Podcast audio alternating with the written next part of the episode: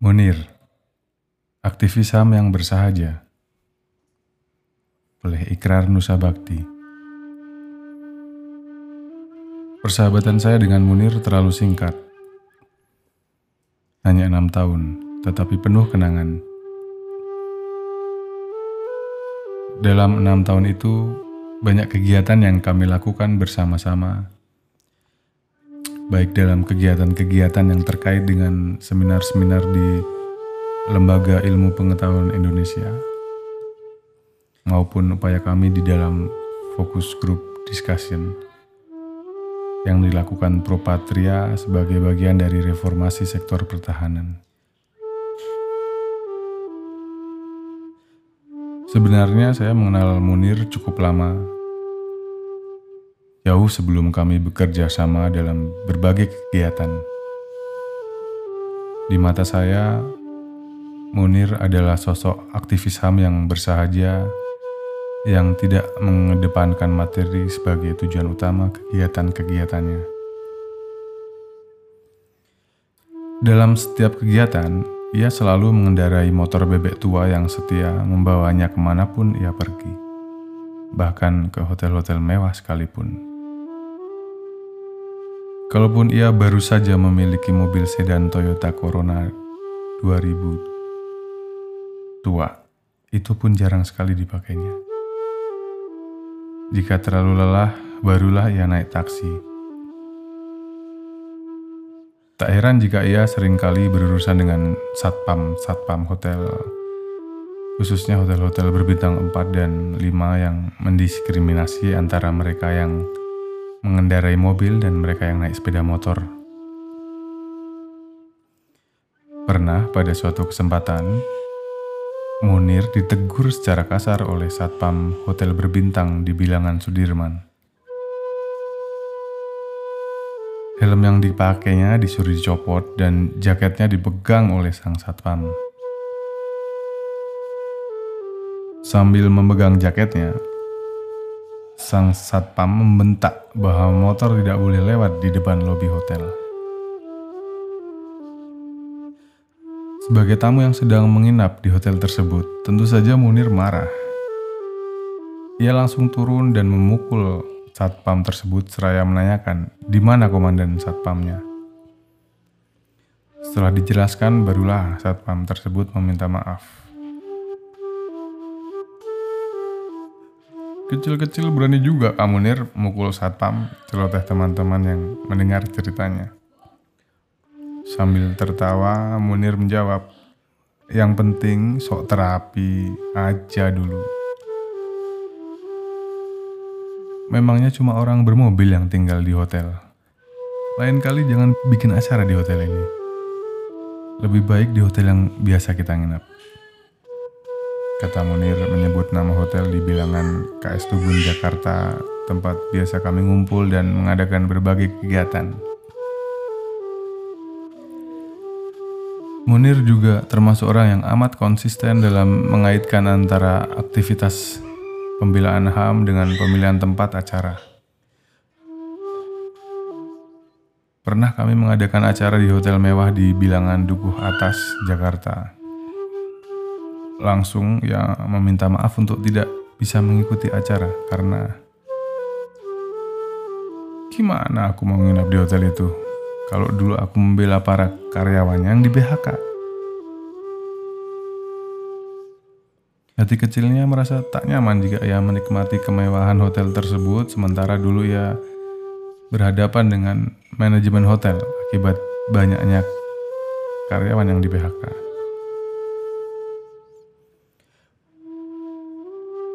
Munir dan hotel ibarat dua kata yang tidak bisa dipisahkan.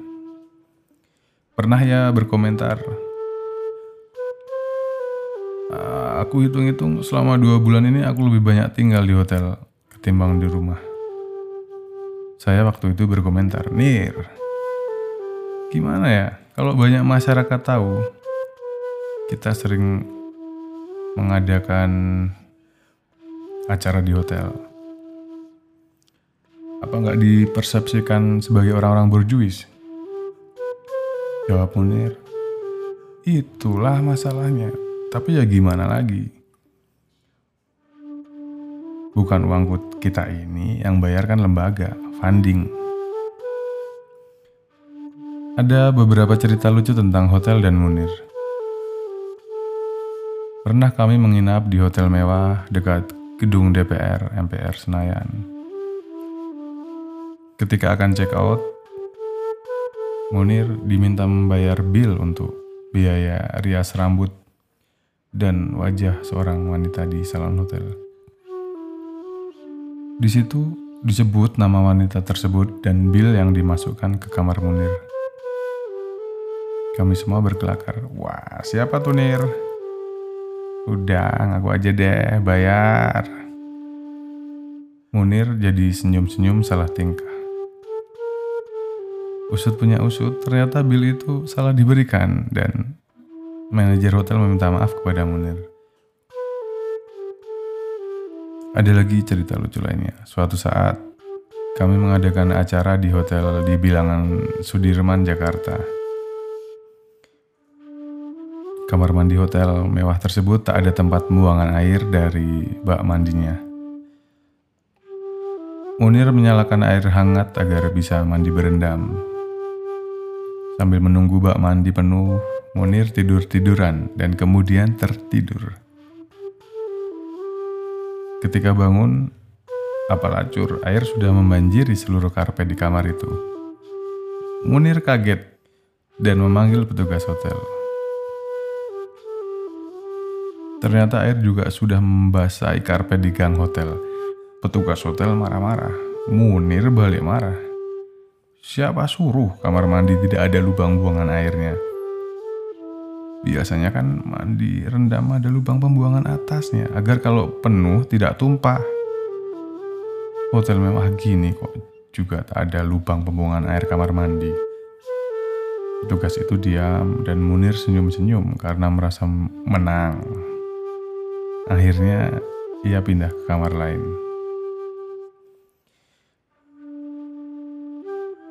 Bagi mereka yang tidak mengenal Munir dari dekat, pasti mereka mendapat, mendapat kesan bahwa orang ini hanya membantu mereka yang menjadi korban kekerasan atau orang hilang akibat tindakan aparat TNI atau Polri.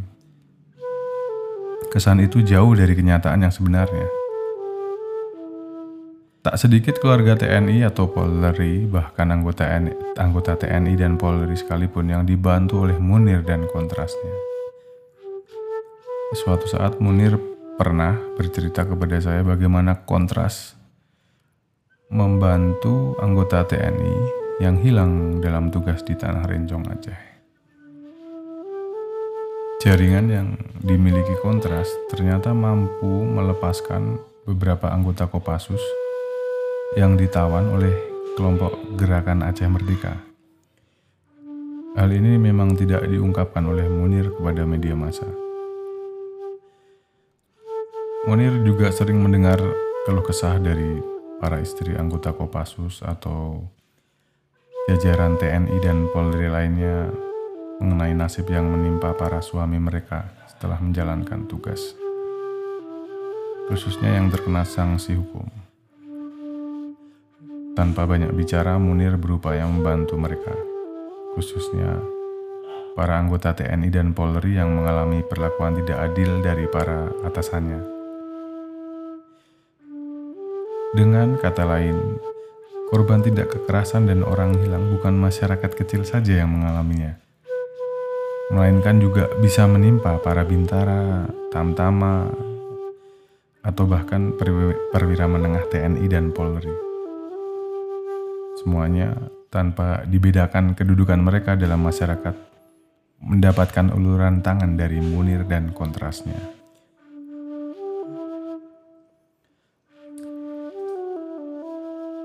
Di mata saya, Munir adalah sahabat yang setia dan pemikir pejuang yang tanpa pamrih dan selalu konsisten pada perjuangannya. Berbagai penghargaan internasional tidak mengubah tingkah laku kesehariannya yang bersahaja. Dalam berbagai tugas seperti merancang rancangan undang-undang pertahanan negara, RUU TNI, RUU Perbantuan TNI, rancangan berbagai kepres yang terkait dengan pertahanan dan keamanan negara, Munir adalah seorang pemikir dan konseptor yang handal dan amat diandalkan oleh teman-teman yang sebagian besar adalah pengamat politik dan militer. Kemampuan akademiknya sangat tinggi, walaupun ia belum mengambil jenjang sarjana strata 2 atau 3 dalam menerima tugas dari teman-teman di LIPI atau Propatria atau Logos, ia juga melakukannya dengan senang hati tanpa memandang bahwa bebannya lebih berat daripada yang lain.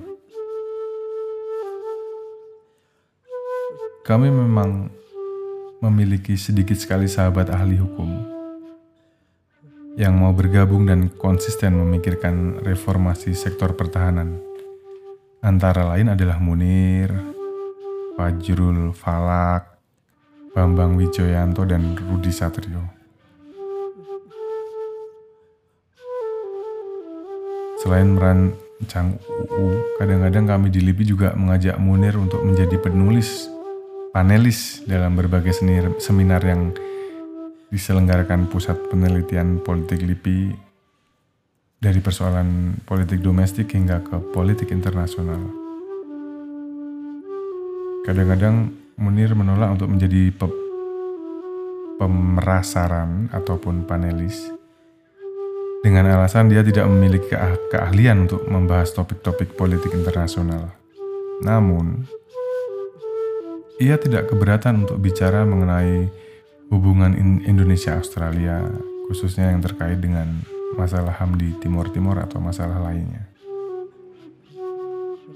Munir adalah seorang yang mampu belajar secara cepat, baik dalam hal ilmu maupun bahasa. Ketika kami diundang oleh Arif Budiman untuk membicarakan hubungan Indonesia-Australia pasca Timur Timur di Melbourne, Australia, tahun 2000, Secara kebetulan, Munir tinggal sekamar di hotel bersama saya. Dalam seminar tersebut, Munir masih menggunakan bahasa Indonesia. Namun, pada 2003 dan 2004, Munir sudah berani untuk memaparkan pemikiran-pemikirannya dalam bahasa Inggris dalam berbagai forum internasional di dalam dan di luar negeri. Saya pribadi dan tentunya kawan-kawan yang selama ini dekat dengan Munir merasa kehilangan dengan kepergian Munir. Si anak bandel dan nekat. Ia bandel karena dalam berbagai kesempatan selalu kami ingatkan agar kalau capek istirahat, makan yang teratur, tetapi selalu dilanggarnya. Pernah suatu saat untuk kesekian kalinya Munir kolaps dan masuk rumah sakit Saint Carolus. Teman-teman yang ikut kegiatan LIPI saat itu menjengguknya di rumah sakit. Apa yang terjadi? Ia masih membawa komputer, notebook ke kamar hotelnya, dan tetap tak mau diam dengan mengerjakan tugas-tugasnya.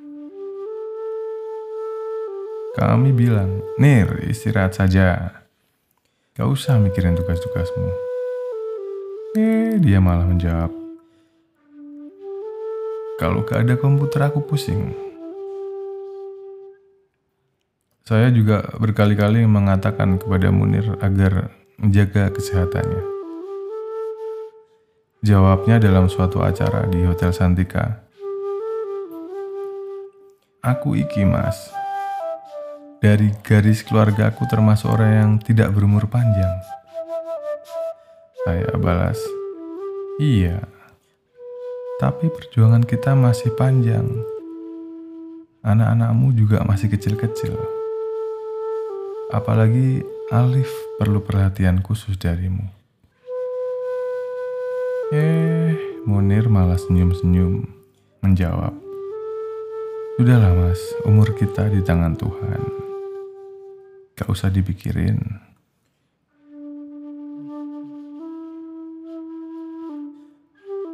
Pada siang 7 September 2004, Kami di LIPI sedang rapat. Tiba-tiba saya mendapat SMS dari seorang teman alumnus FISIP UI yang sedang berada di Thailand. Isi pesannya, Innalillahi wa inna ilahi rojiun. Telah meninggal dunia di pesawat dalam penerbangan Jakarta-Amsterdam, aktivis HAM Saudara Munir. Saya kaget dan tidak percaya karena baru tiga hari sebelumnya saya bertemu Munir dalam pesta perpisahan yang diadakan Pro Patria untuk untuk dia di Hotel Santika. Saya langsung mengirim SMS kepada teman-teman di CSIS dan UI yang selama ini suka ngumpul. Dari Edi Prasetyono, CSIS, saya mendapat jawaban. Wah, aku cek dulu, Mas. Mbak Clara Yuwono juga belum tahu. Dari Andi Wijoyanto di UI, saya dapat jawaban yang hampir sama. Namun, Dua menit kemudian Andi kirim SMS. Mas Ikrar, beritanya positif. Aku sudah mengecek ke teman di KBRI Belanda. Saya langsung lemas. Teman-teman di Pusat Penelitian Politik LIPI yang biasa bekerja sama dengan Munir langsung saya kabari. Sri Anuarti, Peneliti LIPI yang sering mengerecoki Munir dan amat dekat dengan Alif. Putra pertama Munir langsung menangis sesenggukan. Munir kita, mas, Munir kita. Masa sih? Aku nyesel mengapa kemarin gak ikut Mas Ikrar ke acara perpisahan Munir. Yanu langsung meng-SMS Kusnanto Anggoro di CSIS. Kusnanto pun langsung histeris. Ya, kami semua kehilangan seorang sahabat sejati, teman kerja, dan teman seperjuangan yang ingin melihat bangsa ini maju dan berkembang. Tak ada pelanggaran HAM, dan TNI serta Polri-nya profesional, dipenuhi kebutuhan institusi dan anggotanya. Sebagai sahabat, saya harus ikut mengantar Munir ke tempat peristirahatan yang terakhir di kota sejuk, Batu, Malang, Jawa Timur.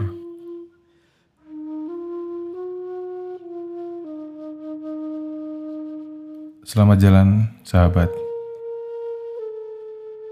Kau bukan saja milik kontras atau imparsial, tetapi juga milik bangsa Indonesia atau bahkan sebagian dunia. Kau bukan saja sahabat yang baik, melainkan juga suami yang baik bagi Suci dan bapak yang baik bagi Alif dan adiknya. Seperti kata pepatah, harimau mati meninggalkan belang, gajah mati meninggalkan gading dan manusia mati meninggalkan namanya. Namamu akan tetap kami kenang. Perjuanganmu juga tidak akan mati, kau bawa ke kubur, tetapi akan kami lanjutkan selama hayat masih terkandung badan. Ternyata kau lebih memilih untuk beristirahat panjang untuk selama-lamanya ketimbang beristirahat sebentar di tengah tugas-tugas suci. Semoga akan lahir munir-munir besar yang baru di negeri yang amat kita cintai ini. Mati satu, tumbuh seribu. Kyoto, Jepang.